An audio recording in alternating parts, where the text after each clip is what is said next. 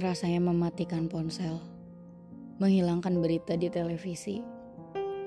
Sampai kapan sih semua bakal berakhir?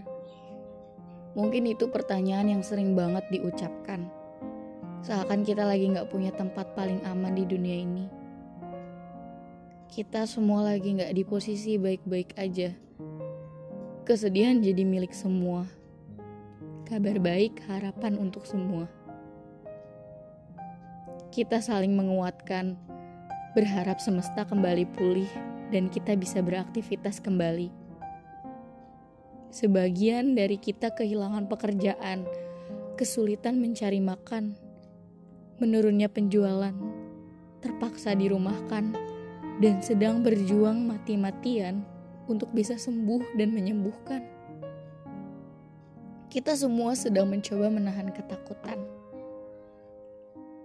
mengatasi kepanikan dengan kabar bahagia yang mengurangi kesedihan. Berdoa dan ikhtiar di rumah jadi tameng satu-satunya untuk bertahan. Berjarak ini bukan tentang melukai, tapi tentang menyelamatkan orang-orang yang kita sayangi.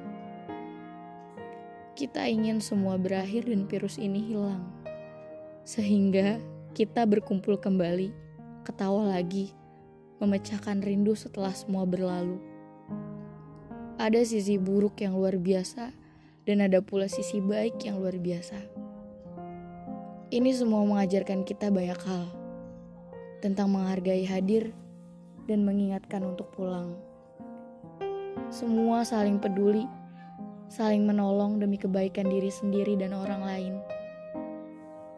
Mungkin Bumi punya cara untuk menyembuhkan lukanya yang dibuat oleh manusia. Coba deh, kamu keluar sebentar. Air-air ini, langit sedang pamer kecantikannya.